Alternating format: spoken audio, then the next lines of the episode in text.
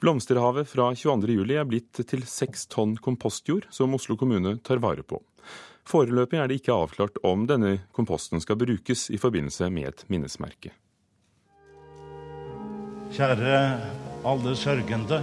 I dag samles vi i Oslo domkirke til messe for sorg og håp. Mange mennesker søkte trøst i og utenfor Oslo domkirke i dagene etter 22. juli. Og minst like mange ønsket å vise sin støtte og sympati. Resultatet var 20 tonn med blomster og lys, som etter en stund ble samlet inn og fraktet til Grønmo gjenbruksstasjon sørøst i Oslo. Ja, nå har vi en av 155 ferdig pakkede sekker med kompost av rosene fra 2011 som ble samla inn. Blomsterhavet er blitt til seks tonn god kompost, forklarer seksjonsleder for renovasjonsetaten i Oslo kommune, Tormod Kisen. Dette er ren kompost, så den kan man bruke til mange forskjellige formål. Men hvilket formål det blir, er ennå ikke spikret, forklarer informasjonssjef i Oslo kommune, Erik Hansen. Det oppdraget som Oslo kommune har påtatt seg, er å samle inn de rosene som var etter 22.07. i fjor, og det som også har kommet i forbindelse med rettssaken ved tinghuset i Oslo. Og så vil da noen sikkert finne ut at dette kan passe å brukes i et eller annet minnesmerke. Jeg tror at verdet av å håndtere symbolfrågor men også minnesdager, er uhyre viktig for lekningen av, av de drabbede. I 1998 tok en påsatt brann livet av 63 ungdommer på et diskotek i Gøteborg. Tragedien førte til at folk la ut store mengder blomster og lys i gatene. Utviklingssjef i Gøteborg kommune, Lars Lilled, sa dette om saken til NRK i fjor.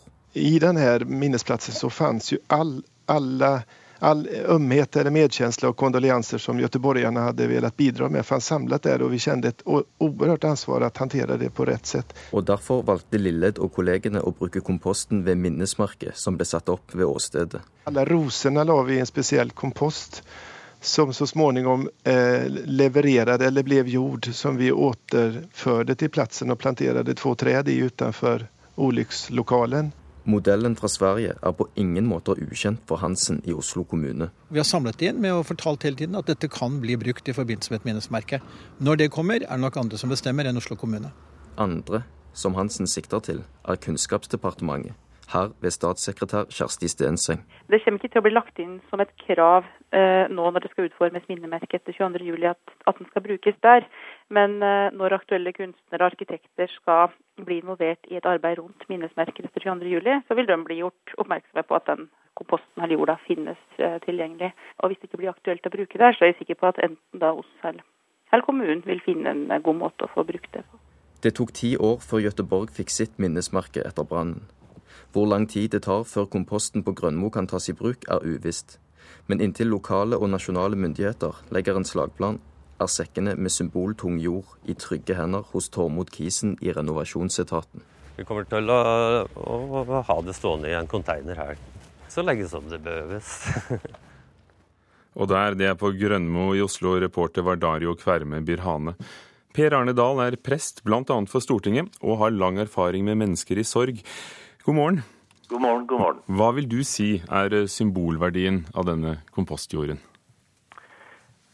Vi har jo i løpet av de siste årene hatt en voksende oppmerksomhet om viktigheten av steder å gå til. Det har jo vært markert i vår tradisjon og vår kultur ved kirkegårdene, ved alle helgensdagene, men vi så det særlig ved kong Olavs død, hvordan hele slottsbakken var fylt av lys. Og vi har sett det ved små og mindre ulykker og katastrofer, hvordan blomster og lys har vært symbolene som har markert de stedene hvor det har skjedd noe avgjørende viktig. Og vi så det da sømmeren Alexander Dale Oen døde i slutten av april i Arizona. Hvordan de sosiale medier som Facebook og Twitter ble møte- og minnesteder. Og jeg ser det nå som veldig avgjørende viktig at det føres også videre i, i vårt land. Vi har jo sett det nå hvordan nesten alle landets kommuner har takket ja til minnesmerker i stein eh, laget av Nico Widerberg. Eh, alle, så vidt jeg har lagt merke til, bortsett fra Oslo og Hole. Og nå dette store offisielle minnesmerket regjeringskvartalet, da, som eh, etter det jeg har sett, kan ferdigstilles rundt 2015. Men, men, hvis det altså er slik at det er en symbolverdi i ting, hva skal da til for at uh, dette blir noe mer enn nettopp uh, smeltet stearin og jord som ligger der i en container? Uh, vi ser nå i dødsannonser flere og flere eksempler på at det står 'begravelsen avsluttes ved graven'. Sorgen avsluttes ikke ved graven. Og vi trenger møteplasser i livet, både for glede og sorg. Vi har masse møteplasser for glede. Vi trenger også møteplasser i sorg. Og det offisielle minnesmerket i regjeringskvartalet Jeg kan ikke skjønne annet enn at det mest naturlige ville være at den laget en liten minnepark på et eller annet vis, hvor denne jorda kunne virkelig bli benyttet på en vakker og verdig måte rundt det stedet som ble samlingsstedet etter 22.07, nemlig rundt Domkirken. Men hvor fort bør man få det på plass? Hva er I din erfaring, når trenger vi et minnesmerke? Vi hørte at Göteborg tok det ti år.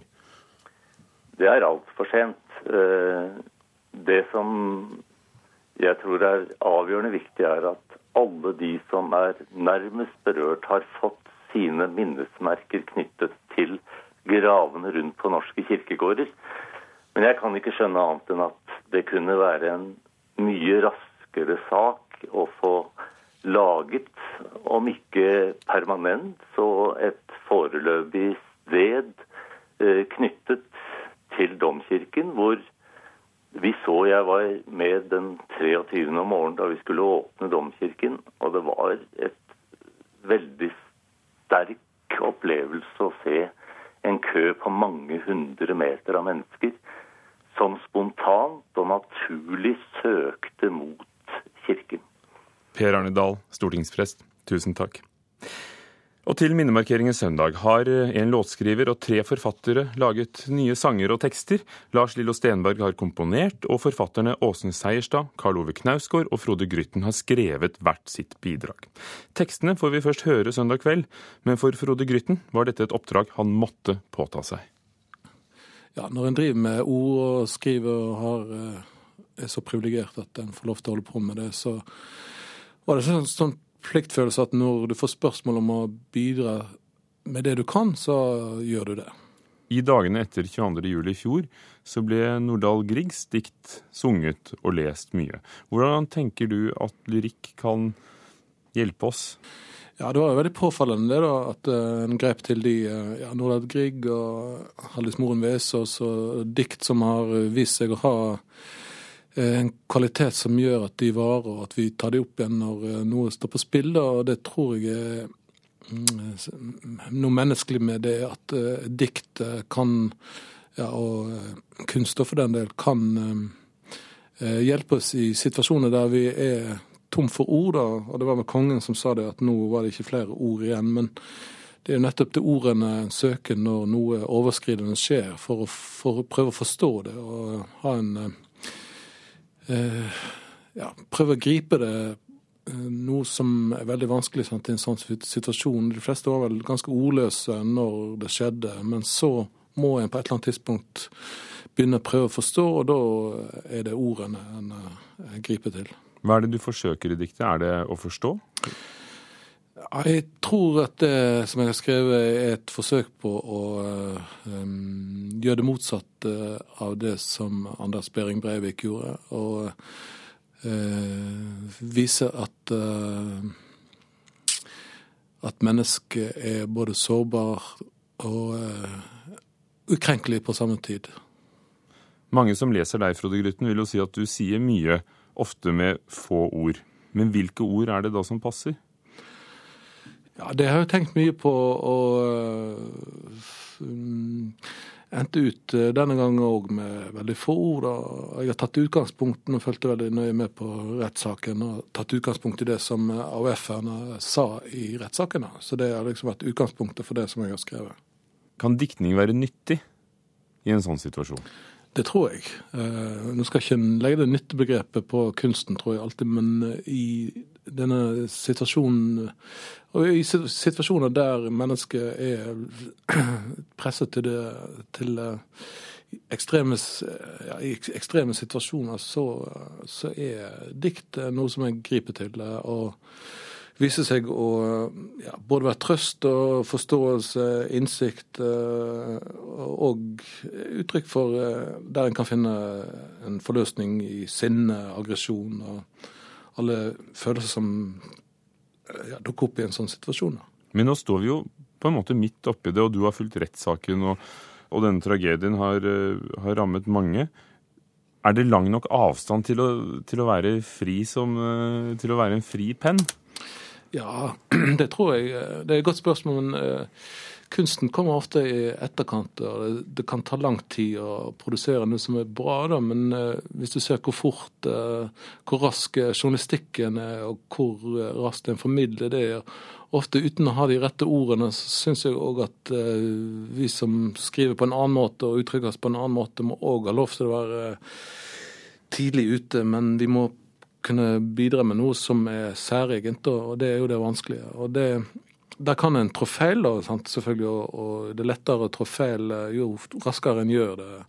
Men jeg tenker at ting kan ikke på en måte være uh, Eh, ja, forlatt eller blitt en ruin eller noe som er glemt, eh, før en tar i det. da. Eh, jeg syns at forfatter òg skal ha lov til å være i sin egen tid og være samtidige. Takk skal du ha, Frode Grytten, og vi får høre da teksten under minnemarkeringen søndag. En kinesisk domstol har avvist anken fra kunstneren Ai Weiwei etter at han fikk rundt 15 millioner kroner i bot for skatteunndragelser. Støttespillerne hans mener at eh, dommen er politisk motivert. Ai Weiwei kritiserer eh, åpenlyst den kinesiske regjeringen, og i fjor ble han holdt i husarrest i tre måneder uten dom. Vi vil fortsette å anke til den dag eh, kommer at vi ikke har noe å tape, skriver kunstneren på Twitter. Ai Weiwei er en kunstner med internasjonalt ry, og er eh, i sommer hovedutstiller på Kistefoss-museet på Jevnaker. Og den omstridte amerikanske filmen Utøya Island får premiere i Ohio søndag. Det blir en lukket visning for journalister og skuespillere. Etter oppfordring fra norsk politi fjernet filmregissøren reklamevideoen fra YouTube rundt nyttårstider. Også AUF ba om å få traileren fjernet fra nettet. Regissøren mener på sin side at det ikke er for tidlig for en film om 22.07, og at filmen setter søkelys på behovet for strengere våpenlover. I dag er det én uke til de olympiske leker åpner i London i Storbritannia, og det er forventet over ti millioner besøkende til byen. Men om de skulle ønske å besøke Nasjonalgalleriet, The National Gallery på Trafalgar Square når de er i London, står de i fare for å møte stengte dører. Vaktene planlegger en streik, ifølge avisen The Guardian. Og Gry Blekastad Almås, NRKs korrespondent i London, hva vil de streike for? Museumsvokterne mener at museet har kuttet bemanning bemanningen eh, så mye at det er uforsvarlig, at de ikke lenger kan ivareta kunstverkenes eh, sikkerhet. Mens eh, ledelsen på sin side mener at de kun har kuttet til et nivå som er på linje med lignende institusjoner andre steder. Og Derfor har de altså bestemt seg for å legge ned arbeidet, disse museumsvokterne. Kanskje viktig å ta med at de er ikke den eneste gruppen som varsler streik under OL. Grensekontrollørene skal streike dagen før det hele starter. Togpersonell har varslet streik i løpet av lekene, eh, mens museumsvokterne altså vil streike den aller første dagen av OL pluss de tre påfølgende lørdagene. Vi snakker om et av verdens aller største og beste museer. Eh, hva vil en streik bety for hvilken kunst tilreisende kan oppleve under OL? Det som blir sagt er at eh, enkelte rom i galleriet kan komme til å måtte eh, stenge disse dagene, nevnte dagene, men heller ikke hele dagene. For denne streiken vil kun pågå i to timer per eh, dag da, av disse dagene jeg nevnte. Men det avhenger jo av hvor mange av museumsvokterne som faktisk deltar i streiken. Det vet man ikke ennå, hvor mange som faktisk vil gå til streik. Men noen stengte dører kan man komme til å møte. Men museet som sådan holder åpent åpent. Eh, det er altså bare noen av kunstverkene man kanskje må hoppe over. Er det noen som kommenterer at det kanskje er eh, nettopp opportunt for mange å streike når en sånn begivenhet kommer, sånn at de får oppmerksomhet, ja, helt i Norge? Ja, helt klart. Regjeringen er jo uh, i harnisk over disse gruppene som nå uh, velger å legge sine streiker til akkurat uh, OL-dagene. og selv opposisjonslederen Ed Miliband, som er på en måte fagbevegelsens mann, sier at akkurat under OL bør man ikke streike. Sikkerheten står i høysetet. Står den i veien for opplevelsen av London for tiden, slik du opplever byen du bor i? Nei, ikke generelt. Man merker det. Eh, kanskje først og fremst fordi det er eh, daglige avisoppslag om hvordan sikkerhetsopplegget går sin gang. Eh, sikkerhetssvikt, eh, opplegget rundt store krigsskip på Themsen, den typen ting. Det kan jo minne mer om krigen om en idrettsfest, hvis man får med seg akkurat disse tingene jeg nevner her. Men i det daglige ser man kanskje noe mer politi. De er kanskje noe mer utstyrt med skuddsikkerhet treffsikre vester og, og, våpen til dels. Eh, og selvfølgelig merker man det når man skal inn og ut av OL-parken, der det er flyplasslignende sikkerhetskontroller. Men i det daglige rundt omkring i byen så går livet sitt eh, sin vanlige gang. Bortsett fra at det kanskje altså blir noen stengte dører på National Gallery også. Takk skal du ha, Gry Blekastad Almås i London. I dag starter fastemåneden ramadan for muslimer. Som adventskalendere har ramadankalendere nå begynt å bli populært for noen muslimer. Syv år gamle Mikael Said og storebroren Yusuf Poni forsøker seg på fjorårets spørsmål som skjuler seg i lukene. Hva skal man alltid huske på å si når man møter en annen muslim? Å, det vet jeg. Hva da? Assalamu alaikum. Ja. Og hva er neste spørsmål? Eh, hva betyr det? Det betyr eh, hei.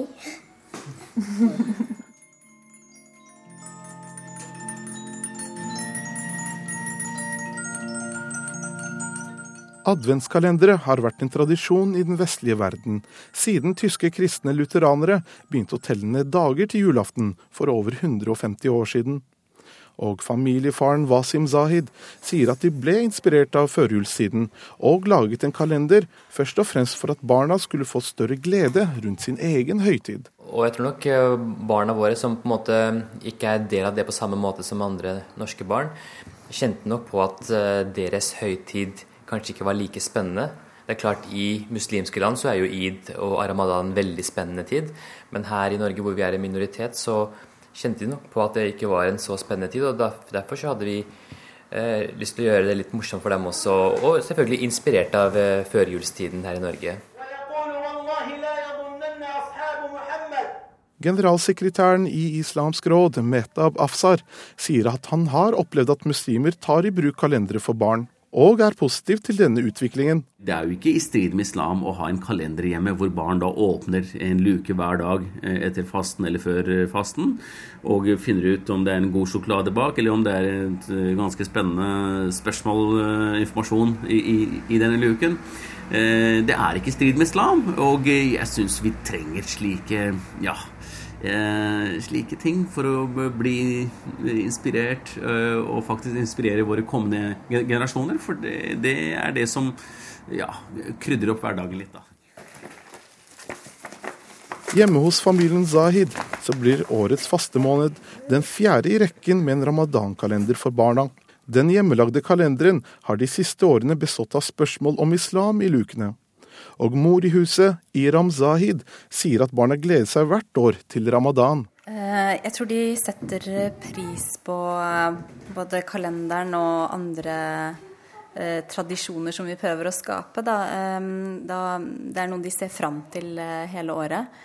Da har de en forventning om at nå er vi i en spesiell måned som leder fram til id.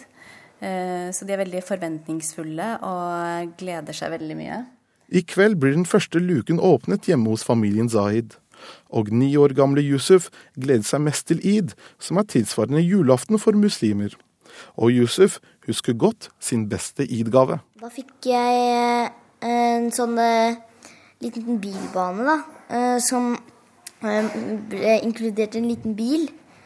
Uh, og så var det en liten sånn vannspruter, og hvis man sprutet vann på den bilen i forskjellige temperaturer, så ble den skiftet en farge.